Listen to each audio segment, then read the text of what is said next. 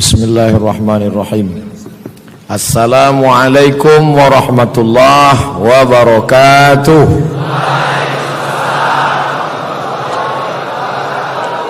Bersyukur kepada Allah dengan mengucapkan Alhamdulillahi Rabbil Alamin. Bersalawat kepada Rasulullah dengan ucapan Allahumma salli ala Sayyidina Muhammad wa ala ali sayyidina Muhammad. Saya melihat Al-Ustaz Dr. Muhammad Syafi Antonio bicara, semuanya saya pelajari. Cara bicaranya, suara tidak perlu terlalu kuat, tapi orang konsen. Sementara saya kalau tidak kuat, orang tidur.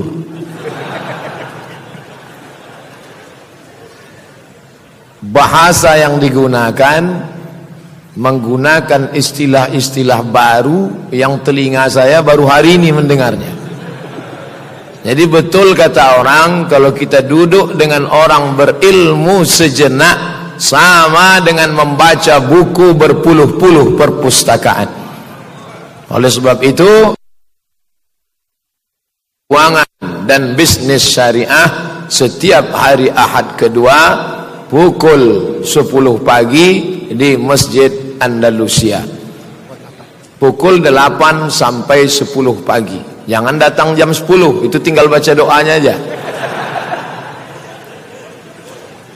Kalau Bapak Ibu pernah mendengar saya ceramah Nabi Muhammad sallallahu alaihi wasallam menikah dengan Khadijah maharnya 20 ekor onta ditambah berapa uqiyah emas totalnya lebih satu miliar. Ketika sahabat Nabi namanya Abdurrahman bin Auf meninggal dunia dihitung harta warisannya lebih dari 4 triliun. Dari mana Ustadz membaca sumber itu? Ekonomi Islam ditulis oleh Bapak Ustadz Dr. Muhammad Syafi'i Antonio. Bukunya sudah lama saya baca tapi mengambil ijazah ilmunya baru hari ini. Nah, jadi kedatangan saya kemari bukan berceramah tapi untuk mengambil sanat keilmuan. Mengambil ilmu dari buku namanya wijadah. Wijadah namanya kualitas paling rendah. Pernah kamu ngambil hadis ini? Pernah. Dari mana? Kitab Sahih Bukhari, wijadah namanya. Tapi kalau mengambil langsung disebut dengan sama haddatsani. Di tempat lain saya dengar dari guru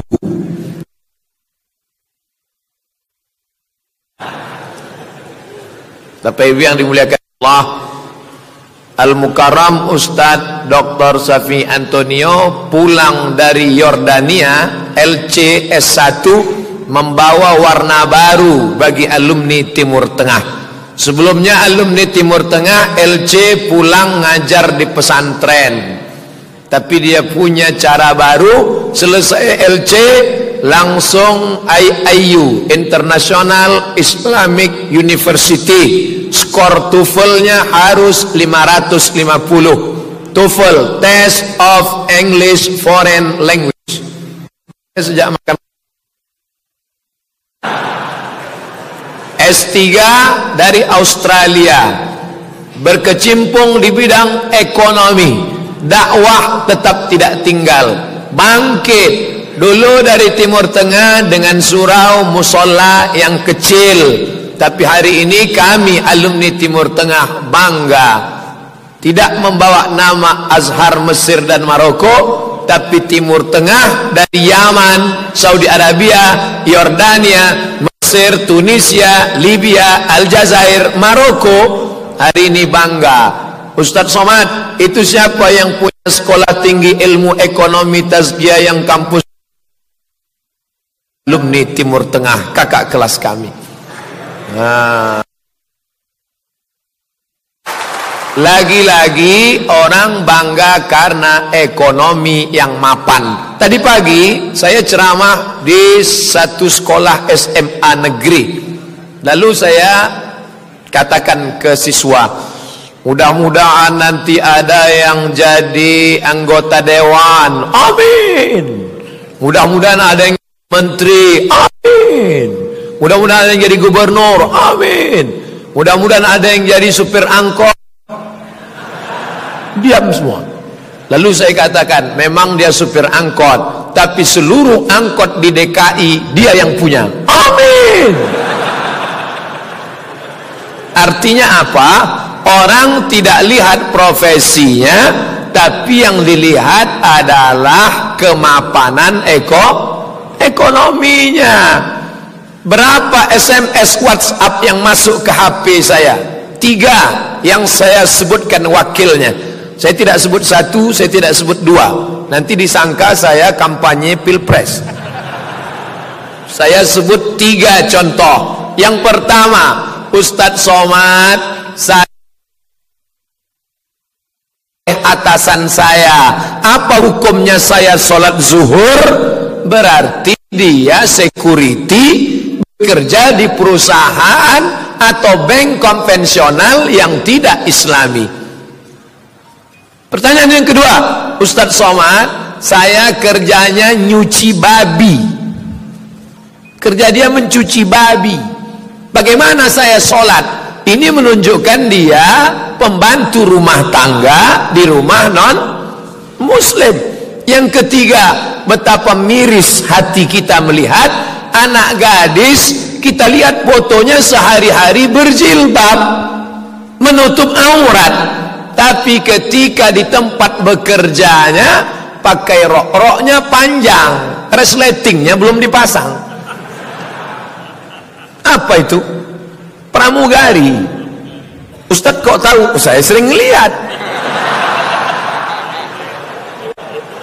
Artinya apa? Ini perusahaan tempat bekerja orang-orang kaya tapi bukan dari kita. Ketika saya bicara ini nanti orang akan mengatakan, ah, lihat tuh, lihat tuh soman anti kebinekaan. Itu sama radikal. Saudaraku yang non muslim, saudaraku para konglomerat bisnismen, ketika aku ingin bercerita membangkitkan ekonomi umat, Abdul Somad ingin supaya jurang pemisah antara yang kaya dan miskin jangan terlalu jauh. Karena kalau ini terlalu jauh, ini bahaya bagi bangsa kita ke depan. Bahaya atau tidak? Bayangkan, kalau yang nyuci babi tadi sakit hati dan dia marah aku seumur hidup cuci babi sementara engkau kaya lalu dia racun di dalam rice cooker dan babi panggang itu mati satu rumah apa kalian mau mati? Maka ketika saya ceramah bercerita bangkitkan ekonomi umat hidupkan warung-warung umat bangkitkan entrepreneur umat. Abdul Somad bukan ingin kaum minoritas tertindas tapi ingin supaya bangsa ini tetap hidup bersama menjadi negeri yang baldatun thayyibatun warabun bukti sejarah berkata kalau kami kaya kami muslim kalau kaya berkuasa apakah non muslim akan binasa? Tidak. Mesir berapa lama kita berkuasa? Apakah piramid rata dengan tanah? Apakah sping hancur? Tidak, sampai hari ini tidak ada yang dihancurkan. Gereja Saint Catherine di bawah bukit Bukit Tursina masih tetap berdiri. Ketika Islam berkuasa di Indonesia, apakah Candi Borobudur rata dengan tanah? Tidak, kita bangga jadi objek wisata kita. Ketika Islam berkuasa di India, apakah hancur kuil-kuil India? Tidak. Jadi jangan takut ketika kami bicara ekonomi um umat oleh sebab itu ini perlu saya jelaskan di awal supaya apa jangan ada bully di antara kita kalau tidak nanti video ini akan diupload ke YouTube. Tiba-tiba yang keluar jempol. Dengar dulu. Dengar baik-baik. Kalau nggak punya uang insya Allah kita kasih pinjaman beli paket 2 giga. Saudaraku yang dimuliakan Allah Subhanahu wa taala, maka umat Islam diajarkan bahwa dia kaya. Al-mu'minul qawi. Seorang mukmin yang kuat.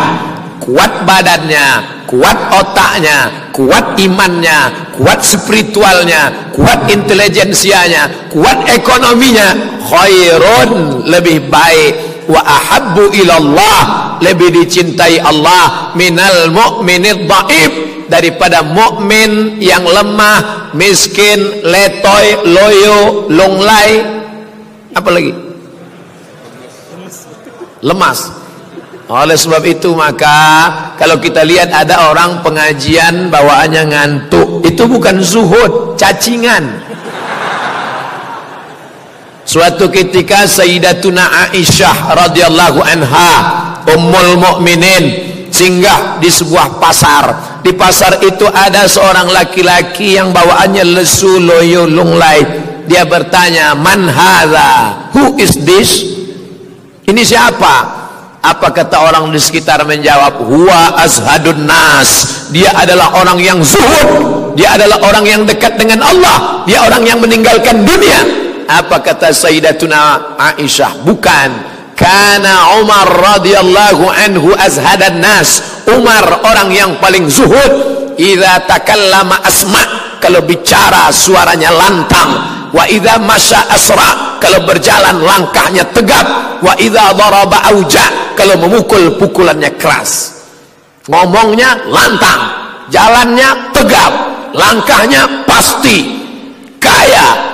Tapi hatinya tetap dekat kepada Allah. Itu orang yang zuhud. Jadi nanti kalau ada mahasiswa gayanya letoy, lesu, lunglai, loyo. Kamu kenapa? aku dekat kepada Allah bukan dekat pada Allah dekat pada tuyul Saudaraku yang dimuliakan Allah Subhanahu wa taala, ini mindsetnya harus diluruskan. Main otak, set, settingan otaknya harus diluruskan. Karena banyak juga sekarang mindset, main otak set setan, mindset otak setan. Harus diluruskan pemahaman. Nabi Muhammad sallallahu alaihi wasallam datang meluruskan pemahaman karena perbuatan adalah hasil dari pikiran. Pikiran yang memerintahkan tangan. Pikiran yang memerintahkan mata. Pikiran yang memerintahkan ke telinga. Nasiyatin kazibatin khati'ah.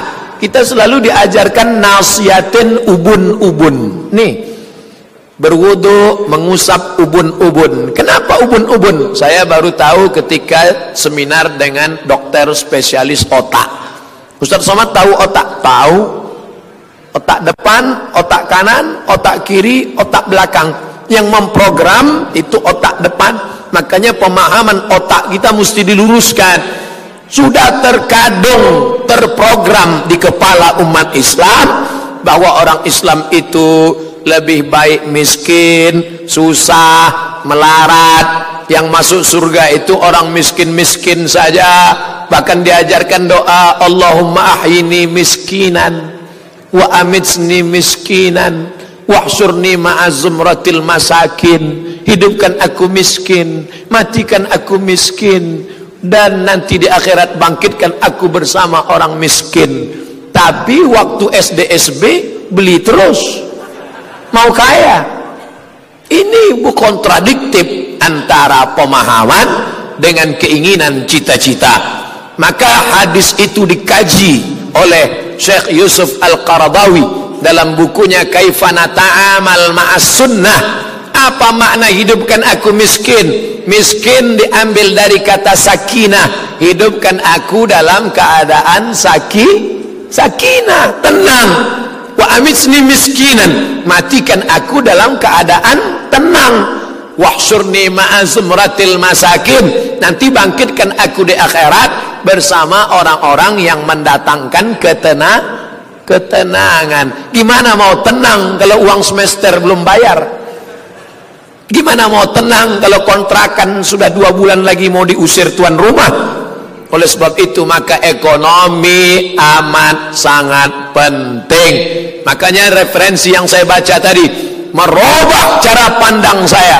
Dulu saya diajarkan Nabi Muhammad itu miskin, susah, melarat. jubahnya compang camping perutnya diikat batu. Ternyata yang saya baca itu Muhammad versi Snog Horgronj tapi setelah saya membaca buku Muhammad versi Dr. Muhammad Safi Antonio baru saya punya gambaran baru. Ternyata mahar dia menikah lebih dari satu miliar.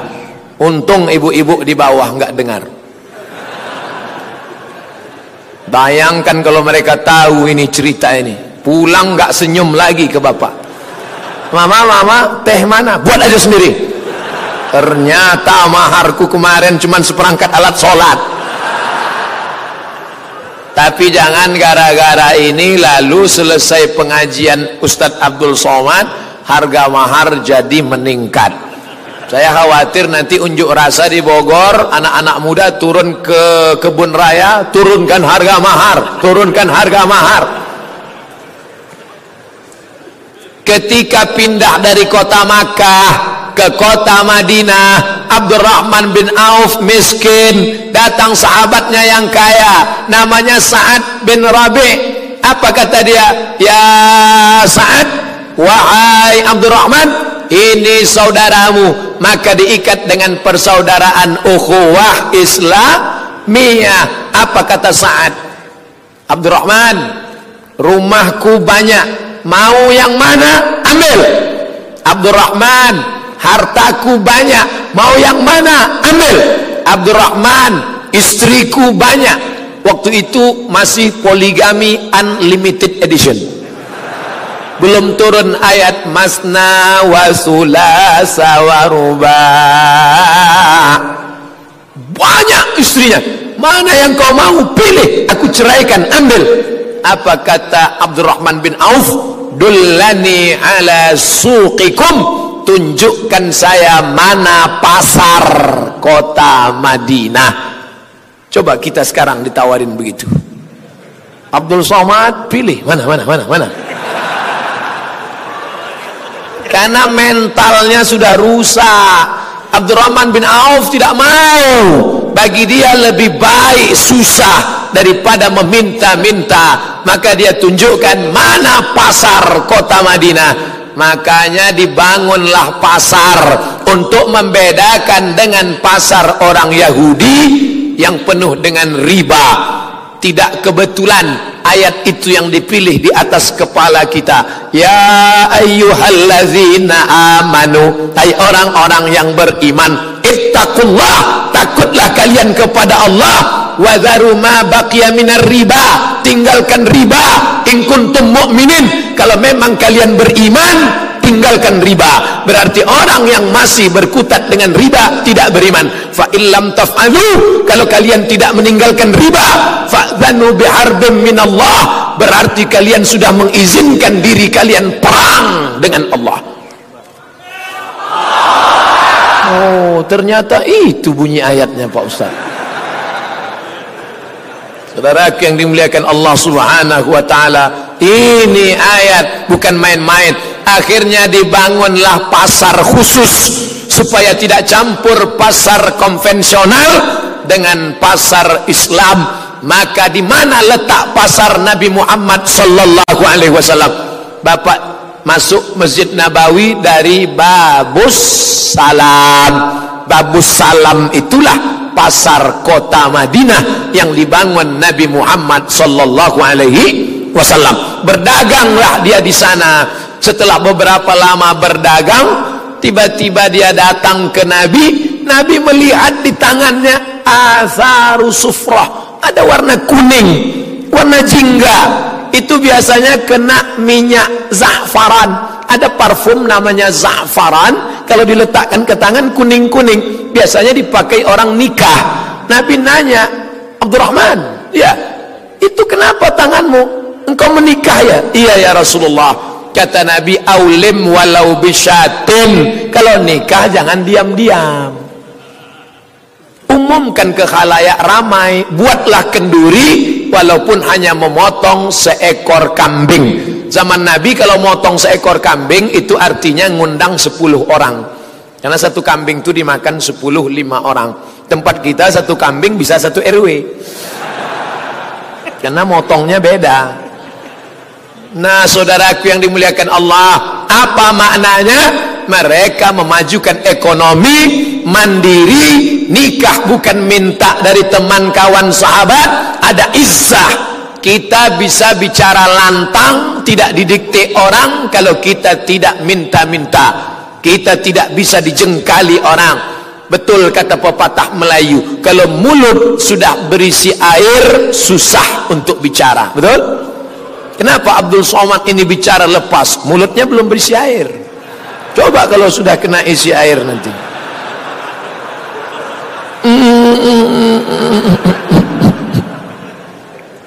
Ini nampaknya Ustaz belum dapat ini. Kalau udah dapat pasti diam nanti ini saudaraku yang dimuliakan Allah izzah izzah umat Islam. Makanya diajarkan doa la taj'alid dunya akbar hammina. Jangan jadikan dunia obsesi terbesar kami. Wala mablagha ilmina. Jangan sampai dunia menjadi harga bagi ilmu kami. Silakan engkau kaya. Akhirnya Abdurrahman bin Auf dengan bisnisnya itu dihitung meninggal. Maka saat meninggal harta warisannya 4 triliun baca bukunya. Ekonomi Islam ditulis oleh Al-Mukarram. Ustadz beli buku itu. Kasih kasih orang. Ada seorang kaya di Pekanbaru. Ustadz Somad ada buku yang mau saya kasih. Buku ini mantap. Buku. Maka saya sebenarnya sudah lama betul ingin kemari. Tapi Bapak Ustadz Al-Mukarram Haji Dr. Safi Antonio Aku tak mencari engkau Kau pun tak mencari aku. Jadwal yang mempertemukan kita. Kebahagiaan tak terhingga hari ini saya berjumpa. Ilmunya sudah lama dibaca. Orangnya baru ketemu hari ini. Saya aja yang laki-laki naksir sama beliau. Tadi waktu khutbah saya dengar terus. Padahal kalau yang lain khutbah saya ngantuk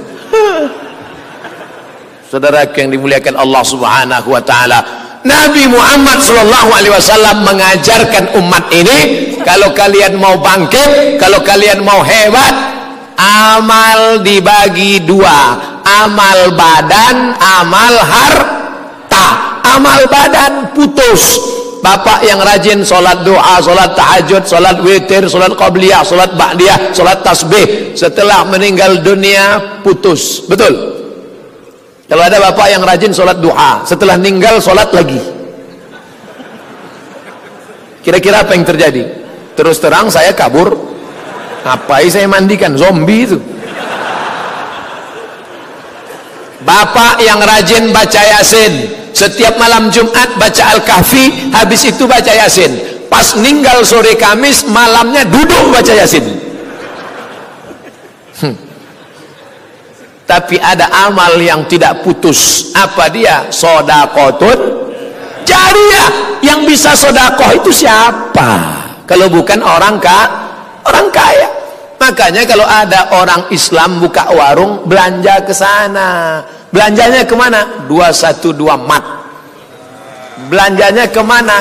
Kita mat.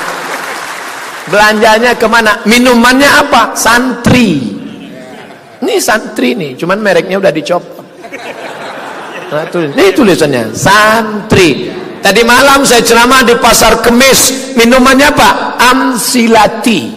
Pesantren punya. Beli produk mahal-mahal dikit nggak apa, bantu anak sekolah. Kamu beli murah, tapi ternyata uangnya dipakai untuk main judi kelas Pegas. Dosanya ngalir, Mas Bro. Jangan kamu sangka ini masalah jual beli air. Minumlah air azikra. Sudah dizikirkan bersama Ustaz Arifin Ilham berzikir. Minum. Tapi kabarnya banyak orang yang takut minum bekas air minum Ustaz Arifin. Kalau saya berani bekas air minum beliau saya minum. Cuman belum kabul sampai sekarang. Saudara yang dimuliakan Allah Subhanahu wa taala. Artinya apa?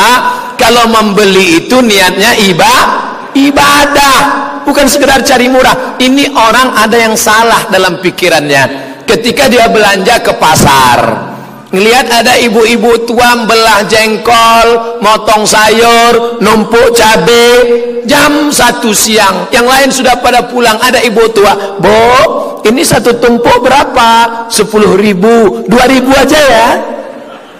Kamu mau beli apa membunuh? Andai saya jadi ibu itu, saya kasih pisau, bunuh aja, aku bunuh, bunuh, bunuh.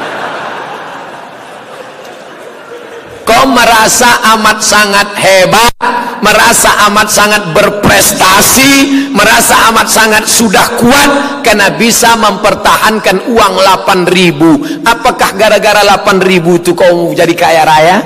Tidak. Ketika di hadapan orang miskin, kau tekan dia sesusah-susahnya. 8 ribu kau tawar. Tapi ketika kau makan di rumah makan mewah, ada sisa 20 ribu.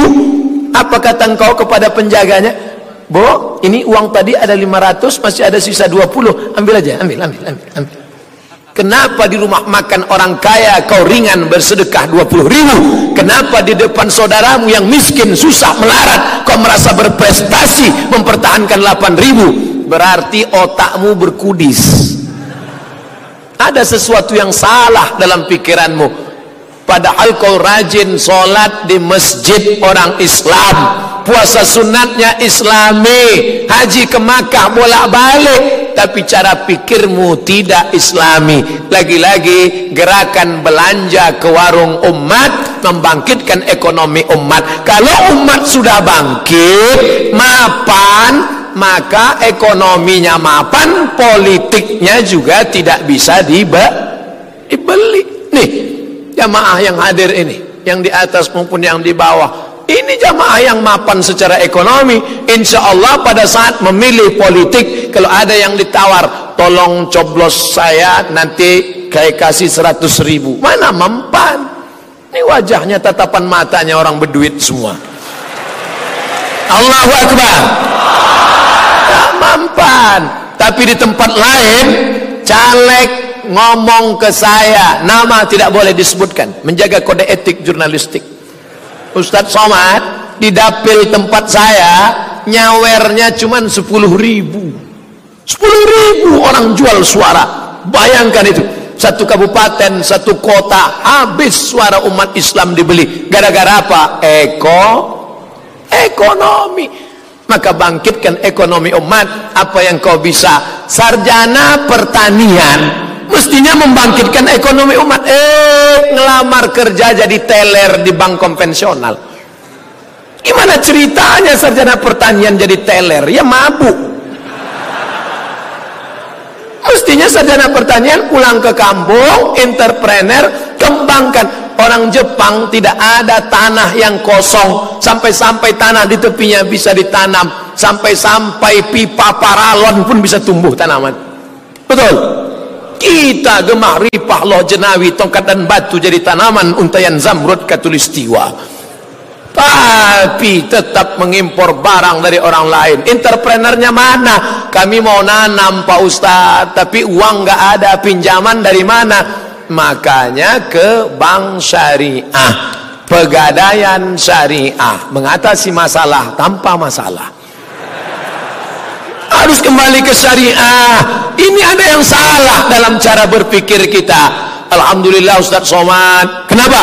Bapak Bupati kami rajin sholat duha rajin puasa Senin Kamis rajin baca yasin rajin maulidan rajin yasinan. Bupati amalnya bukan baca yasin sholat sunat. Karena mahasiswa pun bisa melakukan itu kalau sudah jadi bupati, jadi gubernur, pemegang saham, komisaris, amalmu yang paling abdal adalah merubah bank konvensional menjadi bank syariah. Itu. Hai gubernur-gubernur seluruh Indonesia, kalau kalian mau punya amal jariah yang tidak putus setelah kalian mati, kalian robah bank konvensional menjadi bank syariah. Allahu Akbar. Saya yakin gubernur yang nonton ini pasti bertanya, caranya gimana Pak Ustadz? Caranya datang ke kampus sekolah tinggi ekonomi Islam Syariah Tazkiyah.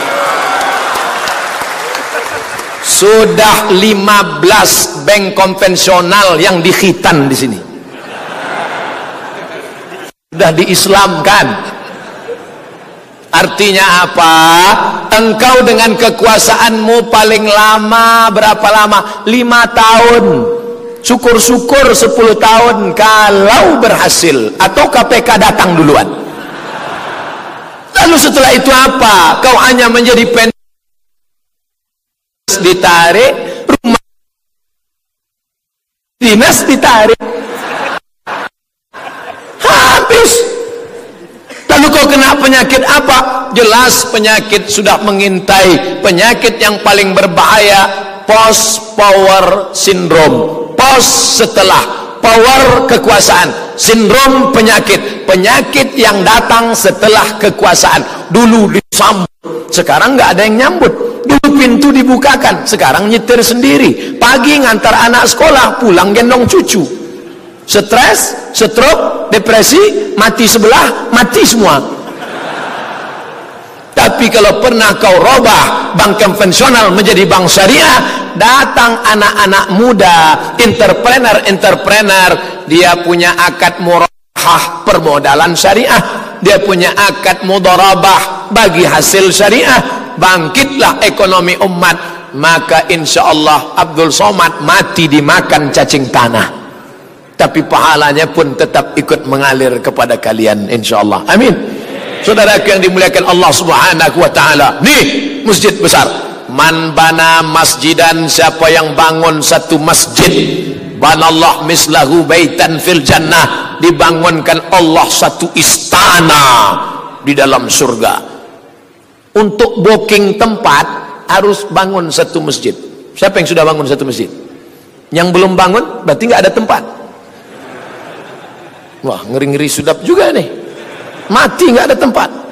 Wah saya di emperan nggak apa-apa Pak Ustaz asal masuk surga. Man bana masjidan. Makanya raja-raja sultan-sultan ketika dia sebelum mati pasti membangun. Presiden Insinyur Soekarno di saat ekonomi morat marit sulit susah Belanda Jepang penjajahan baru selesai bisa membangun masjid terbesar se Asia Tenggara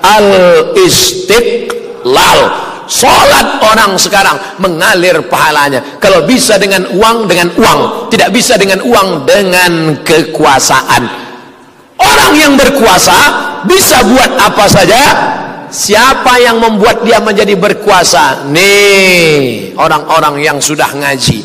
DPR kota, DPR kabupaten, DPR provinsi, DPR RI, DPD, presiden wakil presiden, bupati, wali kota, gubernur. Sembilan ini diangkat oleh saudara-saudara yang ada di hadapan saya.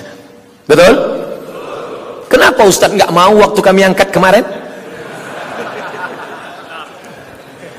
Ini pertanyaan yang sulit dijawab saya mengerti kapasitas kemampuan kualiti diri saya.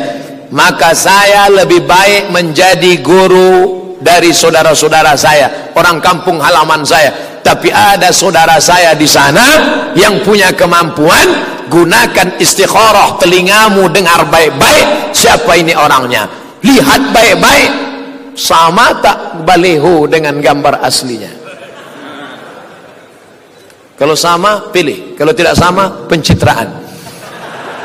Saudaraku yang dimuliakan Allah Subhanahu wa taala, ingat memilih politisi, wakil rakyat, orang-orang pemegang kekuasaan ke depan itu juga bagian dari ibadah Sab'atun ada tujuh golongan. Yuzilluhumullah yang akan dapat naungan Allah. Yauma la zilla illa zilluh. Hari itu tidak ada naungan kecuali naungan Allah Subhanahu wa taala. Satu di antaranya siapa? Imamun adilun pemimpin yang a yang adil. Saya diundang ceramah di Bank Rakyat Malaysia Kuala Lumpur. Sampai hati nih panitia ngundang saya di bank konvensional dalam hati saya masa dia undang saya di bank konvensional sebelum ceramah duduk dulu Ustaz Somad ini bank konvensional dalam hati saya iya udah tahu tapi sudah berubah menjadi Islamic Bank Alhamdulillah Masuk ke ruangan kami berdiri semua. Saya sangka menyanyikan lagu kebangsaan. Saya takut karena nggak hafal. Kebangsaan Malaysia. Ternyata begitu berdiri, Ya Rahman, Ya Rahim, Ya Malik, Ya Kudus, Ya Salam, Ya Mu'min, Ya Muhaimin, Ya Aziz. Bank konvensional di negeri muslim yang tidak sebanyak kita bisa menjadi bank syariah Islamic Bank maju berhasil. Saya heran saya bodoh nggak ngerti masalah ini. Saya tanyakan kepada yang pakar yang ngerti Ustadz, doktor kenapa di tempat kita tidak bisa maju? Ada dua sebab Ustadz Somad. Yang pertama karena tidak ada support dari kekuasaan. Yang kedua karena tidak ada iklan ke masyarakat. TV tidak mau mengiklankan. Yang paling celakanya ustadz yang nggak ngerti pun ngomong tidak benar tentang ekonomi Islam ah sama aja nabung di bank konvensional dengan bank syariah. Paling-paling masuknya pakai assalamualaikum. Paling-paling pegawainya pakai jilbab. Ini pembodohan luar biasa. Oleh sebab itu yang nggak ngerti datang ke sekolah tinggi ilmu ekonomi tazkiyah buat seminar. Kantor-kantor, eh pengajian kantor dinas, kepala dinas, kepala badan, kepala kantor. Kalian yang nggak ngerti, panggil narasumber dosen-dosen dari STI tazkiyah buat. Jangan lagi pengajian di kantor. Pengajian kita pagi ini tentang sabar, sabar. Anak kita dilarikan orang sabar. Bini kita dilahirkan orang sabar. Tanah kita BUMN kita perusahaan kita konglomerasi kita dikuasai orang sabar. Ini bukan agama. Ini pembodohan berbaju agama. Betul kalau dengan ngaji ekonominya maju lanjutkan. Kalau dengan ngaji ekonominya mapan lanjutkan. Kalau dengan ngaji semakin kuat politiknya lanjutkan. Tapi kalau pengajian hanya menjadi pelipur lara penawar duka membiarkan kita dalam keterpurukan maka 2019 ganti pengajian. Ganti pengajian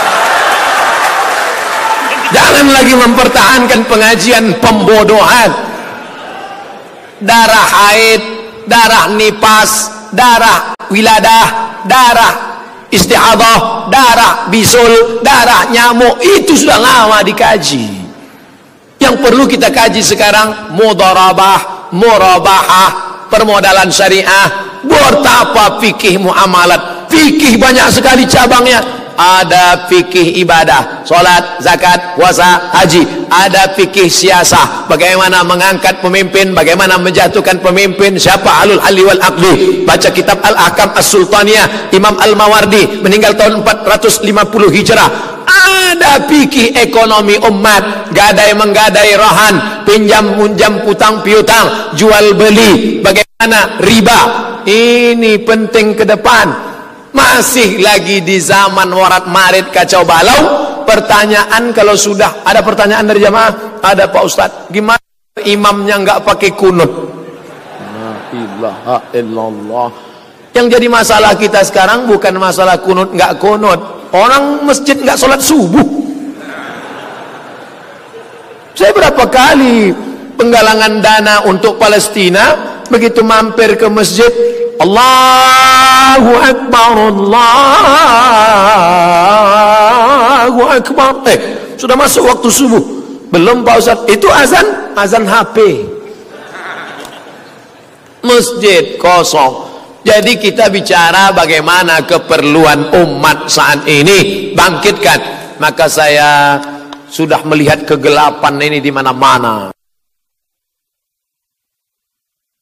kegelapan. Kenapa gelap? Kenapa gelap? Kenapa gelap? Mesti ada satu dua yang menyalakan lilin supaya gelap itu hilang. Dan Alhamdulillah salah satu secercah cahaya itu datang dari Bogor, tepatnya dari kampus sekolah tinggi ilmu ekonomi Islam Tazkiyah. Ada 2000 mahasiswa yang akan menyebar ke seluruh Indonesia. Ini bukan cuma Indonesia, Pak Ustadz. Ustadz dulu kuliah di mana? Di Maroko. Dekat dari Maroko, Pak Ustadz. payah ya kalau ngomong sama orang nggak ngerti geografi Mesir, Libya, Tunisia, Aljazair, Maroko 20 orang rektor, dekan, dosen, ketua jurusan datang ke kampus sekolah tinggi ilmu ekonomi Islam Tazkiyah belajar ekonomi Islam dari Maroko. Bayangkan itu. Ustaz Somad dulu belajar ke sana belajar apa? belajar hadis kepada para ulama. Namanya Darul Hadis. Tapi masalah ekonomi kekinian bagaimana perbankan syariah? Malah dosen yang datang dari sana kemari. Belajarnya pakai bahasa apa? Di sini hanya ada dua bahasa. Bahasa Arab bahasa Inggris. Bahasa Sunda bonus. Kumaha atuh damang hatur nuhun mangga.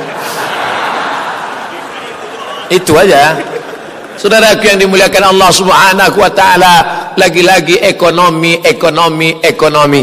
Maka sampai ke kampus ini kita bangga masjid mencerminkan ekonomi yang luar biasa. Ini ekonomi ilmu kafir. Ini bahasa Inggris ilmu kafir. Ini ilmu non muslim kalau kita tidak pakai produk non muslim ini mana bisa saya ceramah? Ini semuanya produk punya mereka. Merek sure ini Seneser. Seneser ini merek ini bukan orang Islam punya. Ini kalau umat Islam yang buat dari Saudi Arabia pasti tertulis di sini al-hayah wal maut. Ini produk mereka. Tapi kita boleh pakai. Mana dalilnya? Mana dalilnya? Ini kan lagi tren nih sekarang. Kalau ada masalah mana dalilnya? Mana dalilnya? Kadang kita sebut pun dalil dia nggak paham. Menanya aja mana dalilnya?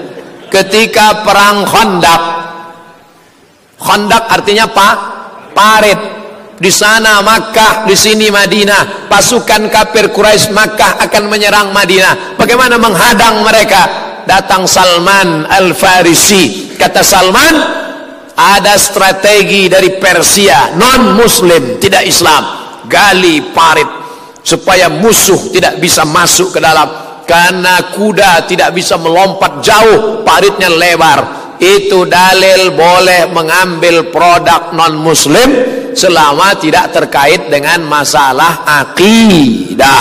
Wala ana abidum ma'abadtum wala antum abiduna ma'abud lakum dinukum. Waliyadid oleh sebab itu maka pendidikan mencerdaskan. Politik boleh kalah ekonomi mungkin kalah tapi titik awal pendidikan saya yakin bapak ibu pengurus masjid banyak yang hadir ini. Maka masjid-masjid mulai berpikir ceramah di masjid mulai pakai kurikulum silabus Senin malam Selasa fikih Selasa malam Rabu akidah Rabu malam Kamis ekonomi syariah khusus Kamis malam Jumat nggak ada pengajian baca Yasin Jumat malam Sabtu akhlak ridho kona'ah tawakal zikir jangan ria jangan sum'ah jangan takbur jangan hasad jangan busuk hati. Sabtu malam Ahad tablik akbar. Buat Sabtu malam Ahad tablik akbar supaya tidak ada alasan anak-anak muda bonceng-bonceng pacaran duduk-duduk di kebun raya. Say no to bonceng. Katakan tidak. Ini yang muda-muda banyak ini di atas tuh tuh yang tegak berdiri itu anak-anak muda itu kalau orang tua mana bisa dia berdiri? Kakinya sudah gemetar. Ini yang membuat kita bangkit semangat di masjid Andalusia Tazkiyah ini.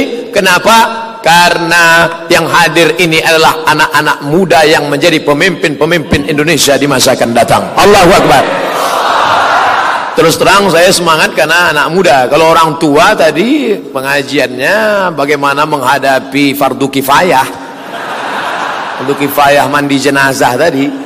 Tapi karena anak-anak muda kita berpikir ke depan bangkitkan entrepreneurship ekonomi umat. Kalau sudah ekonominya kuat politiknya akan kuat. Kalau sudah politiknya kuat masyarakat terayomi terlindungi maka yang non muslim jangan takut jangan cemas. Sudah 70 tahun lebih kita merdeka. Tidak ada orang non muslim yang telinganya digunting hidungnya dipotong. Karena prinsip kedatangan kita wa ma arsalnaka illa rahmatan lil alamin menjadi rahmat bagi semesta alam. Oleh sebab itu maka ke depan ini kalau cerita putus asa Bapak Ibu kita sudah putus asa lama. Kenapa? Hampir setiap lini korupsi nepotisme KKN kacau balau tapi ada bibit-bibit hijau kalau kita siram dia akan tumbuh menjadi batang yang besar cabang dahan buah yang subur. Bibit-bibit hijau adik-adik siswa-siswi mahasiswa-mahasiswi nah, ini ke depan. Tapi orang tuanya juga mesti support. Anak-anak kita ini mesti disupport. Dari sekarang yang nabung pindahkan dari bank konvensional ke bank syariah. Siap? Jangan cuma siap di mulut aja. Sholatnya rajin, puasa sunatnya rajin, ke Makkah, haji dan umrah, nabung masih konvensional. Maka ingat saudaraku, masalah makanan sepele remeh temeh. Tapi kalau duit riba kau makan, berubah semangkok bakso jadi setetes darah darahnya masuk ke jantungmu dari jantung naik ke otak. Otakmu hitam kotor gara-gara makan riba. Heran saya anak saya nih Pak Ustadz kenapa? Sekolahkan di pesantren kabur. Yang jahat bukan anakmu Pak. Yang jahat kamu. Loh kok saya yang jahat? Karena kamu menyuapkan riba ke mulut anak-anakmu. Ayatnya dibuat jelas fa'zanu biharbim minallahi wa rasulih. Kalau kamu tidak berhenti dari riba berarti kamu sudah mengizinkan perang dengan Allah dan Rasulullah. Sementara tiap pagi, tiap petang, tiap siang kau katakan ashadu an la ilaha illallah wa ashadu anna muhammadan Rasulullah. Sementara orang yang kau saksikan Muhammad Allah yang kau saksikan subhanahu wa ta'ala sudah mengizinkan perang lama dengan engkau. Engkau yang tidak sadar sebenarnya engkau sedang dalam keadaan perang dengan Allah dan Rasulullah. Adapun yang sudah terjebak riba mudah-mudahan Allah berikan kelapangan lepas dia dari riba insyaAllah. Okay. baik kita break sejenak. Begitu informasi dari yang punya kekuasaan MC itu yang punya kekuasaan. Maka sejenak kembali saya serahkan ke moderator. Terima kasih. Wassalamualaikum warahmatullahi wabarakatuh. Waalaikumsalam warahmatullahi wabarakatuh. Takbir! Tapi masih tinggal satu rumah karena anak. Apa hukumnya jika kami masih satu rumah dan bukan suami istri? Maka kalian tidak mahram. Kalau melihat berarti melihat dosa kalau sampai bersentuhan sentuhan dosa. Yang boleh satu rumah itu ketika engkau jatuhkan talak aku jatuhkan kepada engkau talak satu sampai habis iddah tiga bu tiga bulan. Misalnya engkau marah betul itu pun tidak boleh langsung talak. Lima langkahnya lima step. Faizuhunna beri nasihat. Adinda dulu kita memang tidak islami tapi sejak dengar pengajian hari ini kita mau hijrah. Kamu pakai jilbab ya. Kamu mau ceramahi aku. Jangan ceramahi saya. Wahjuruhunna fil madaji. Pisah tempat tidur. Karena kamu tidak juga mau berubah. Kalau gitu kita pisah tempat tidur satu bulan. Memang itulah yang kutunggu-tunggu. Wadribuhun tempeleng pukul tapi ini tidak bisa dilakukan sekarang. Nanti kena KDRT kekerasan dalam rumah tangga. Empat faba'asu hakaman min ahlihi wa hakaman min ahliha. Utus keluarga laki-laki dan keluarga perempuan. Namanya media mediasi. Yurida islahan yufiqillahu bainahuma. Kalau ada niat baik mereka akan bersatu. Tapi kalau tidak langkah kelima tolak abwadul halal ilallah at-talak. Andai kau jatuhkan talak satu tetap boleh serumah tiga bulan sebelum habis iddah. Setelah habis iddah maka dia tidak lagi mahram bagimu. Ini sudah enam bulan. Sudah expired apa hukumnya buka rental PS Pak Ustadz?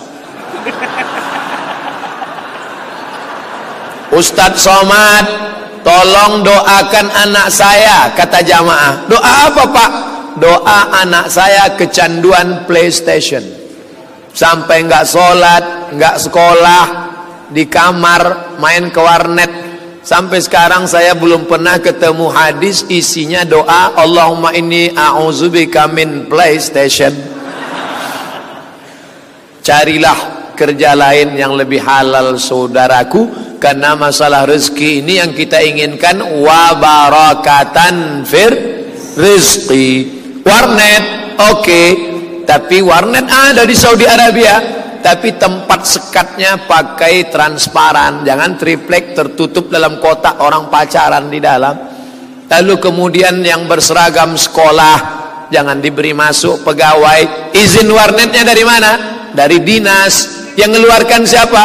Perda peraturan daerah. Maka pilihlah wakil-wakil rakyat yang akan mengeluarkan perda sampai mengatur masalah warnet dan playstation. Siap?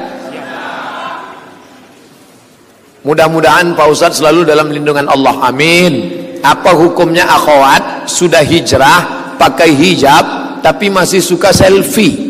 Diupload ke medsos dengan gaya alay lagi Ustaz, lagi. maka ini hijrahnya masih ibarat download belum komplit. Seorang perempuan tidak pakai hijab tidak pakai jilbab kutek kuku panjang dengar ceramah pengajian Buya Hamka. Buya sedang ceramah. Selesai ceramah dia datang. Buya saya belum pakai jilbab.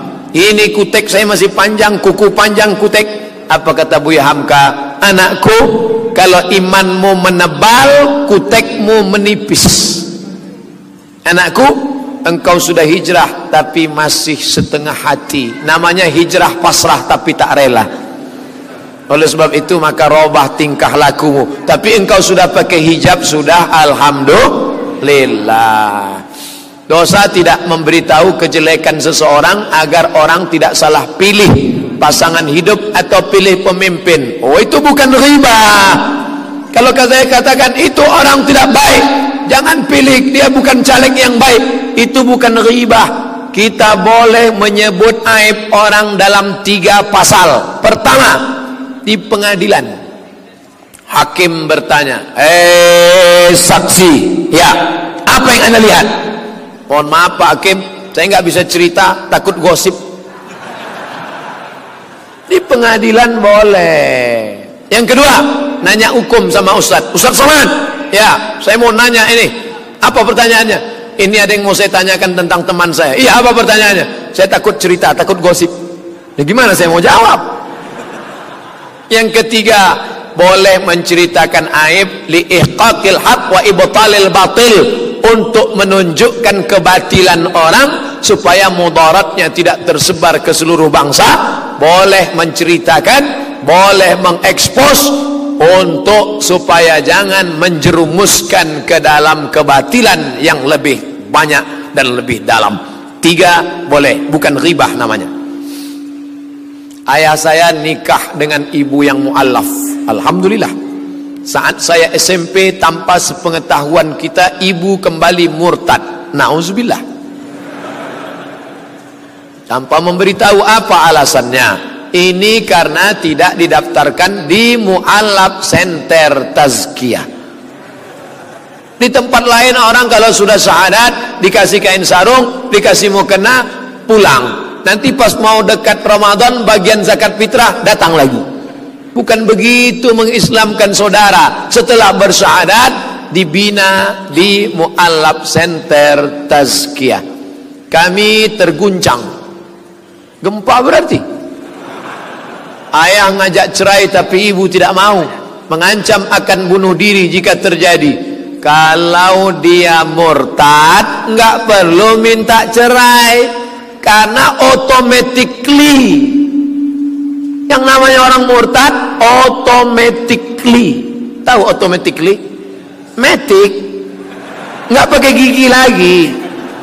Itu setelah murtad itu otomatis cerai. Enggak kini adik terlahir dari rahim seorang murtad. Anak zina. Bagaimana Islam menanggapi hal ini? Bapak yang tetap bertahan dengan istri yang murtad maka sejak tanggal pertama murtad engkau sudah berzina zina zina zina anak yang lahir itu tidak boleh dinisbatkan ke bapaknya. Kalau nanti bapak meninggal dia tidak dapat harta warisan. Kalau nanti anak itu mau nikah bapak tidak bisa jadi walinya. Walinya wali hakim. Hai bapak cepat-cepat kau memisahkan diri sebelum neraka jahanam datang membakar engkau oleh sebab itu ini luar biasa. Ini mesti disampaikan kepadanya. Kalau tidak gara-gara ini nanti azab Allah akan turun. La ta'murun nabil ma'ruf. Ajak orang berbuat baik. Wala tanhauna 'anil munkar. Larang dia buat mungkar kalau tidak kamu lakukan la yushikanna ayab'athallahu 'alaikum iqaban. Allah akan menurunkan hukuman. Summa tad'unahu. Ketika hukuman itu datang summa tad'unahu kalian berdoa fala yustajabu lakum. Doa kamu tak dikabulkan Allah Subhanahu wa taala. Tetangga-tetangga RT RW kenapa dibiarkan orang yang sudah murtad masih serumah bahkan punya anak hamil berzina mereka pagi petang siang dan malam? Di tempat saya ada rumah kosong yang dijadikan musola. Dan ternyata yang punya rumah itu non muslim Bagaimana solat kami di situ? Diterima apa enggak? Kalau sudah dilaksanakan solat di suatu tempat berjamaah maka tempat itu menjadi tanah wakaf. Rumah itu menjadi rumah wakaf. Syarat wakaf yang pertama muslim. Maka bagaimana mungkin orang yang tidak muslim berwakaf? maka jadi awal mesti jelas nanti pulang dari sini tanya si non muslim itu eh non muslim ini status rumah yang buat musola ini apa? Apakah kamu hibahkan kemari? Kalau kata dia ini hibah saya ambillah urus ke BPN Badan Pertanahan Nasional bahwa itu hibah untuk kaum muslimin. Bolehkah umat Islam mengambil hibah dari non muslim boleh. Dengan syarat tidak ada embel-embel politik. Karena sekarang menjelang April ini banyak sekali yang datang ke masjid bagi-bagi uang. Apalagi umat Islam memang lagu penyambutannya ya dana ya dana. Maka bertepatan mereka punya dana kita kurang dana apa kata pepatah Melayu? Kalau tidak ada berada takkan tempua bersarang rendah.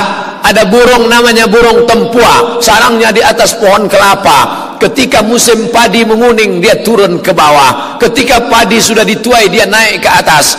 Biasanya burung ini akan menguning padi dan dia akan buat sarang. Biasanya lima tahun sekali menjelang pilkada, pilek, pilpres oleh sebab itu maka hati-hati kejahatan terjadi bukan hanya karena ada niat dari pelakunya tapi juga karena ada kesempatan waspadalah tapi kalau murni tidak ada embel-embel politik, saya memang kaya raya, bingung saya uang mau dikemanakan, ini tanah saya hibahkan ambillah, urus ke BPN, boleh.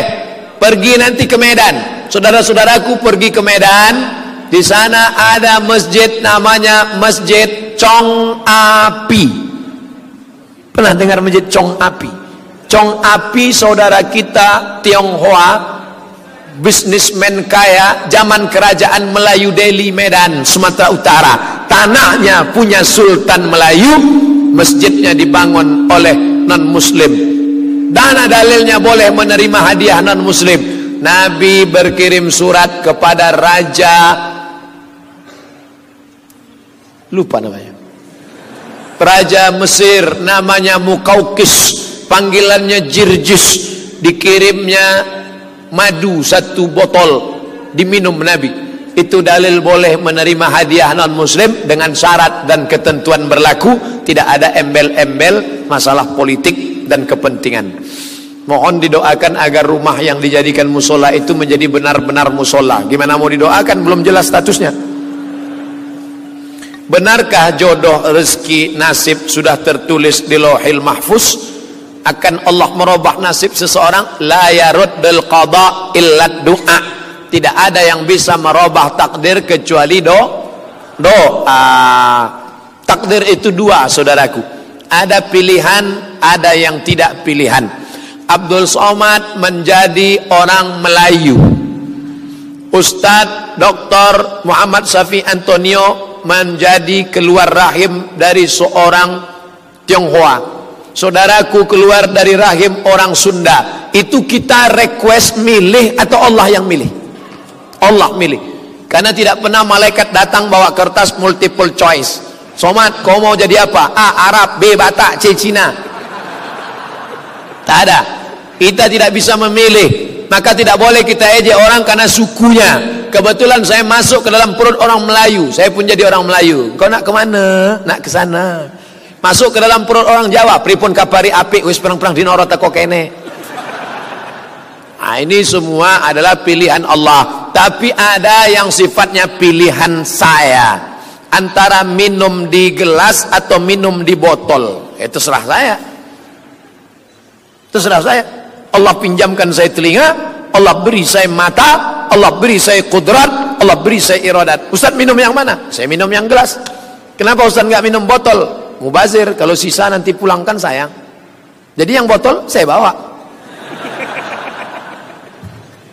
Ini namanya pilih pilihan.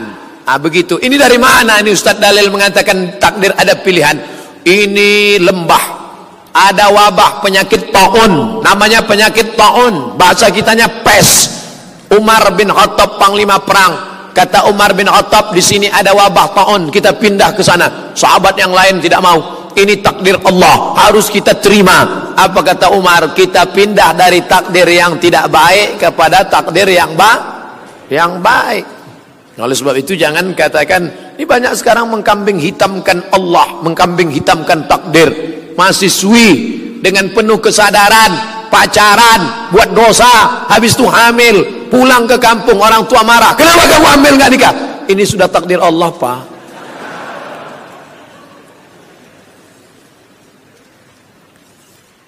Ustaz, saya mau tanya di akhir zaman nanti Islam akan kembali ke masa kejayaan, masa dipimpin oleh sosok yang mirip Rasulullah. Pertanyaan saya, apakah sosok tersebut benar-benar mirip dengan Rasulullah? Sosok aspek apa yang mirip? Soalnya pemimpin yang paling luar biasa itu Rasulullah dan patut dicontoh sebagai landasan membentuk karakter pemimpin.